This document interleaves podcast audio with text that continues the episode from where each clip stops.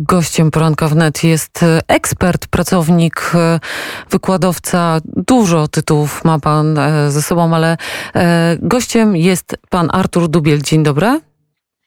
Dzień dobry, witam. Wyższa Szkoła Bankowa. Ta, e, to właśnie chciałabym tu przytoczyć, ale ponieważ czas nas goni, a ja muszę zadać panu kilka istotnych dla nas pytań, to może zacznijmy od początku. Co oznacza informacja o cyberwłamaniu na pocztę szefa kancelarii ministra Dworczyka?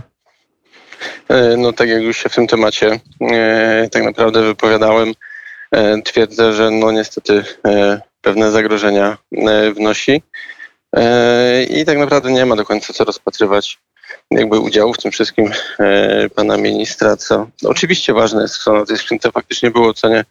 Jednak należy pamiętać, że pewne operacje są prowadzone w ten sposób, że miesza się informacje i te prawdziwe i te, które tylko mają pewien rąbek jakby e, prawdziwości w sobie, e, z tymi, które są całkowicie z prawdą nie mają niczego wspólnego.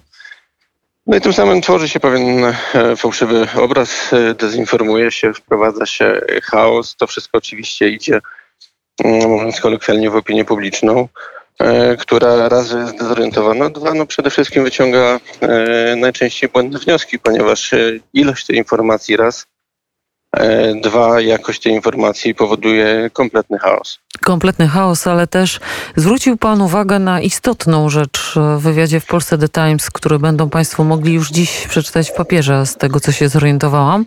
E, pojawia się informacja o tym, że e, w linku, który został podczepiony do informacji opublikowanej w sieci o włamaniu na poczty ministra Dworczyka, być może pojawiają się też e, trole i inne e, oprogramowania złośliwe, które e, do, dla tych, którzy te informacje pobierali, zostały zainstalowane. Czy to wiem, znaczy, żeby była jasność. My tego nie wiemy. Nie mówię, nie mówię, że tak na pewno było. Na pewno na miejscu potencjalnych atakujących, o ile oczywiście są to obce służby specjalne, e, bądź grupy jakieś nieformalne, które e, z tymi służbami bądź na rzecz innych państw pracują. E, no najpewniej sam bym coś takiego starał się zrobić, wrzucając e, co chwilę, tak, bo tak naprawdę się tak dzieje, e, różne, różne pliki, mm, do których można zainfekować pewne rzeczy, które w pewien sposób pozwalają uzyskać dostęp do naszych urządzeń. Nie tylko osób całkowicie prywatnych, ale także tych, które gdzieś w systemie bezpieczeństwa narodowego, narodowego funkcjonują, e, więc niesie to pewnego rodzaju e, zagrożenia. Oczywiście pozostaje wierzyć, że e, służby, ośrodki analityczne i inne podchodzą do tego profesjonalnie i otwierają to i się tym zajmują w, we właściwy sposób. Niemniej zagrożenia to niesie, tak? ponieważ nie jedna osoba zainteresowana, będąca z różnych kręgów, tak jak już zresztą się wypowiadałem, E, bo to będą osoby e, mniej lub bardziej bezpośrednio związane z polityką różnej opcji, tak? Więc o różnych też intencjach e, celem, celem pochwycenia tych, tych informacji no będą, będą się starały te pliki ściągać, a, a to może niestety tak jak już wypowiadałem się dla Polski Times, nieść pewne zagrożenia. Nie twierdzę oczywiście, że tak Że to tam się wydarzyło. Wiemy, rozumiemy. Ale może, może niestety takie zagrożenie również mieć miejsce. Więc następnym razem, kiedy pojawią się takie informacje, proszę się zastanowić, mówię tu do siebie i do naszych słuchaczy, czy warto jest otwierać e, pliki, bo być może one są właśnie kolejnym atakiem przeprowadzonym tym razem na nas. Natomiast, e, natomiast e, skala dezinformacji dotyczącej tego ataku i w ogóle ataków jest tak ogromna. Analitycy zwracali uwagę na sposób budowania zdań, który pojawił się w komunikacji komunikacie.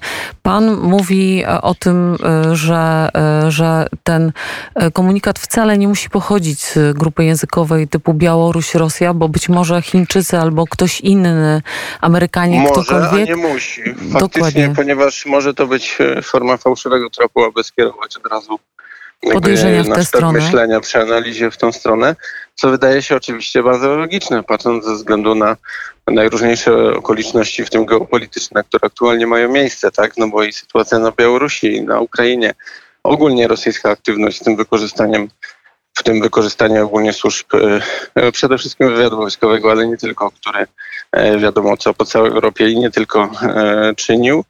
E, Ale pamiętajmy, że tak jak się wypowiadałem, jesteśmy w przysłowiowym przededniu e, szczytu e, Biden-Putin. Dwa, tak naprawdę odbywa się też szczyt mm, G7, tak, NATO praktycznie się spotyka. Można tutaj też analizować sposób i treść wypowiedzi nowego amerykańskiego prezydenta, no i się zastanawiać nad pewnymi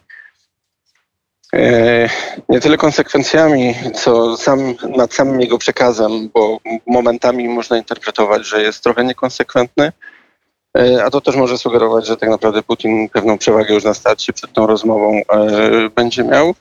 No co oczywiście, no, no Putin e, nie chce się powtarzać, ale no, od pewnego czasu domaga się pewnego rodzaju nowej jałty, nowego e, podziału stref wpływów tak naprawdę, więc też prowadzenia pewnego e, mniej lub bardziej formalnego podporządkowania e, jednych państw innym. No ale trzeba mieć też tą świadomość, że różne role jako państwa gramy na, e, w tej grze geopolitycznej, różne mamy interesy, różne też te interesy realizują e, służby, w tym specjalne e, właśnie poszczególnych państw. Ponieważ za chwilę będzie serwis, a ja muszę przerwać tę ciekawą rozmowę, to mam nadzieję, że uda mi się jeszcze pana namówić na w czwartek na rozmowę w 4 po Oczywiście. pierwszej o terroryzmie i o naszym bezpieczeństwie w cyberprzestrzeni, bo to jest temat, który gdzieś nas wszystkich dotyka i jest bardzo ciekawy. Bardzo serdecznie dziękuję i życzę dzisiaj dobrego Dziękuję wyniku serdecznie. w meczu Polska-Słowacja. Sobie i państwu. No zawsze, zawsze musi być do przodu. Wszystkiego dobrego. Wiecznie niepoprawny optymista, zawsze szklanka z połowy pełna. Właśnie, więc y, tak jak ja, Artur Dubiel był gościem poranka wnet. Bardzo serdecznie dziękuję za rozmowę. Serdecznie pozdrawiam.